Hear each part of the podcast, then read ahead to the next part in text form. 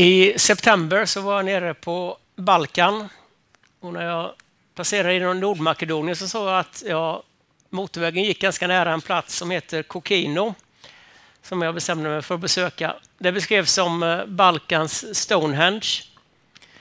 Eh, och det var byggt högt upp på en bergstopp över tusen meters höjd i Nordmakedonien. Och det var en plats som hade många funktioner. Den var byggd för flera tusen år sedan. Det var bland annat ett observatorium. Man observerade stjärnornas rörelser och solens rörelser och verkar ha varit ganska duktiga på att kartlägga det. Det var också en kultplats. Eh, man verkar ha firat eh, solen och månen och andra himlakroppar. Men också en fästning, eh, en borg.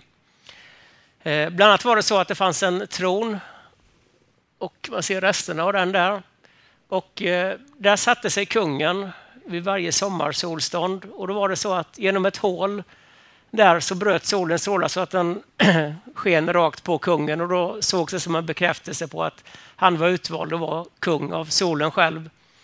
Jag vet inte hur de gjorde, om det var en molnig dag, om han inte fick vara kung längre eller... Men så var det i alla fall. Och när jag gick där så tänkte jag vilket jobb när de byggde där för flera tusen år sedan, de hade inte maskiner som vi har, inga transportmedel, utan det var med sina händers arbete de byggde upp allt det här. Jag tyckte det var ganska jobbigt att ta mig dit bara. Det var inte så långt, men det var väldigt små vägar, lite svårt att hitta och sen fick man gå en bra bit den sista vägen. När har ju folk slitit och då höll de säkert på med flera hundra år kanske att bygga upp det här. Men varför la de ner sån energi på att hugga stenar och transportera stenar och bygga upp det här? Jag tror det är så att folk i alla tider har känt med sig att vi måste vara en del av något större. Man har haft behov av ett sammanhang. Man har på något sätt insett att det kan inte bara vara vi som lever här och nu och att det är allt och sen finns det inget mer. Eh, så många människor har ofta gjort så. Man har sett upp mot rymden, mot himlakropparna där, stjärnorna och solen för att på något sätt försöka få perspektiv på sin egen tillvaro här och nu. För att på något sätt hitta någon mening, något hopp. För det är nog så med oss människor att någonstans inser vi, eh, även om vi inte så gärna gör det, att vi har behov av någon eller något som är större än jag själv. Sen är det väl så att när allt rullar på i livet så klarar vi oss ganska bra med det vi har, det vi kan i oss själva. Men då, för flera tusen år sedan i Nordmakedonien, precis som nu, så rullar livet inte alltid bara på.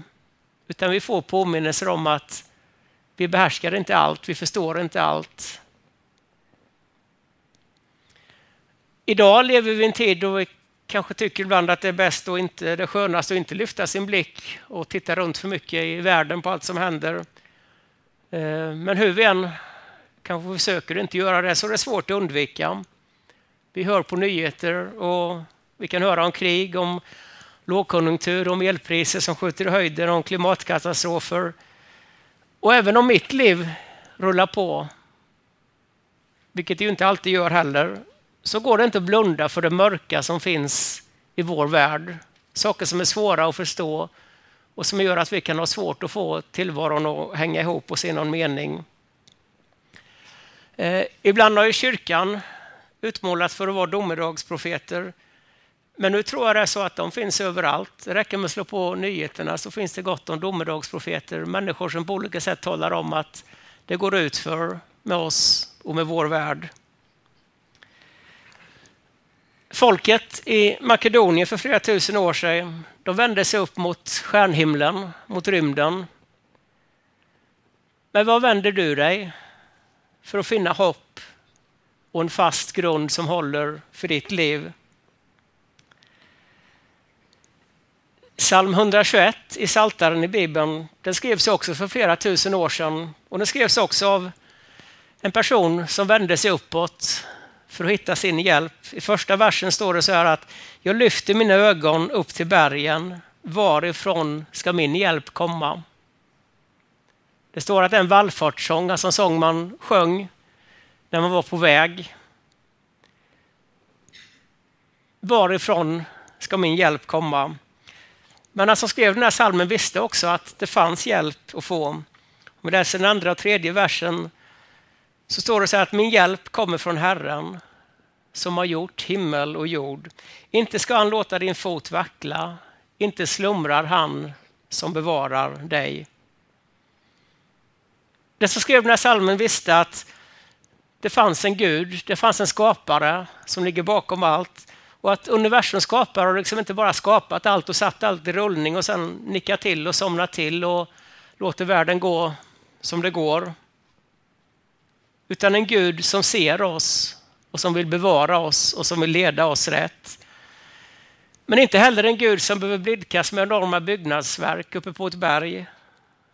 Eller som behöver våra offer och ansträngningar egentligen.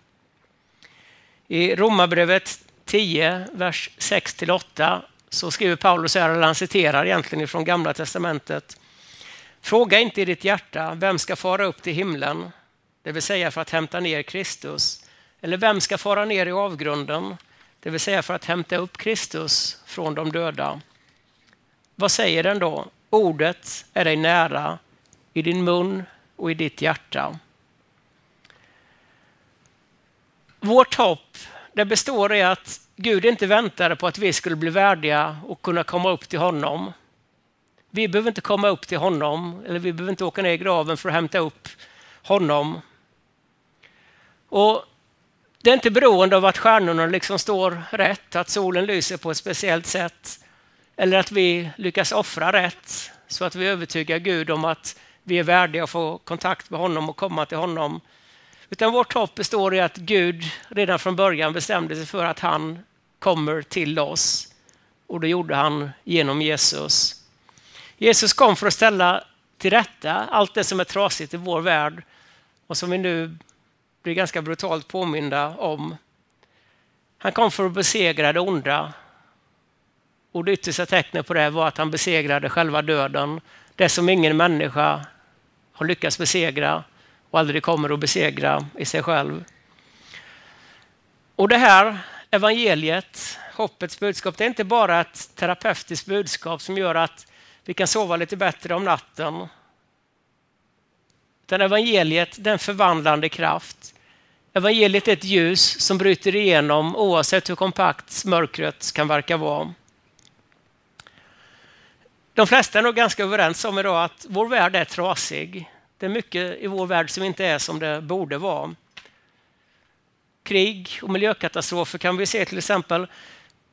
Men egentligen är inte de orsaken, utan de är bara symptom på att hela tillvaron har kommit ur led. Det är någonting som är skadat i oss människor, men också i hela skapelsen. Eh, kanske är det så att det är något som har tilltagit men jag tror att den skadorna de fanns där och märktes redan för flera tusen år sedan för folket i Nordmakedonien. Eller för den personen i Israel som skrev Saltasalmen vi läste för flera tusen år sedan. I Romarbrevet 8, vers 18-24 så skriver Paulus så här. Att jag hävdar att den här tidens lidanden väger lätt i jämförelse med den härlighet som kommer att uppenbaras och bli vår. Till skapelsen väntar ivrigt på att Guds barn ska uppenbaras. Skapelsen har ju blivit lagd under förgängelsen, inte av egen vilja utan av honom som lade den därunder. Ändå finns det hopp om att också skapelsen ska befrias från sitt slaveri under förgängelsen och nå fram till Guds barns härliga frihet. Vi vet att hela skapelsen ännu samfällt suckar och våndas och inte bara den, utan också vi som har fått anden som förstlingsfrukt. Också vi suckar inom oss och väntar på barnaskapet, vår kropps förlossning. Ty hoppet är vi frälsta. Men ett hopp som man ser uppfyllt är inte längre något hopp. Vem hoppas på något som man redan ser? Det Paulus skriver om att det finns hopp för dig och mig genom Jesus. Och därigenom finns det hopp inte bara för oss utan för hela skapelsen. Paulus skriver väldigt målande, själva hela skapelsen suckar och våndas. Jag tror vi kan höra dem, den suckan och den våndan ibland från själva skapelsen också, precis som det gör det från oss människor. Men det finns ett hopp för oss. Det finns ett hopp även för skapelsen. Och det hoppet är att en dag så ska allting återupprättas.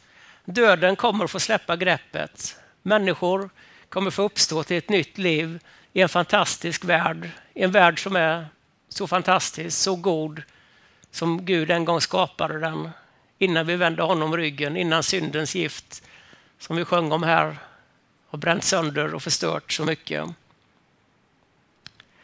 Men nu lever vi här och nu och det ska vi göra fullt ut.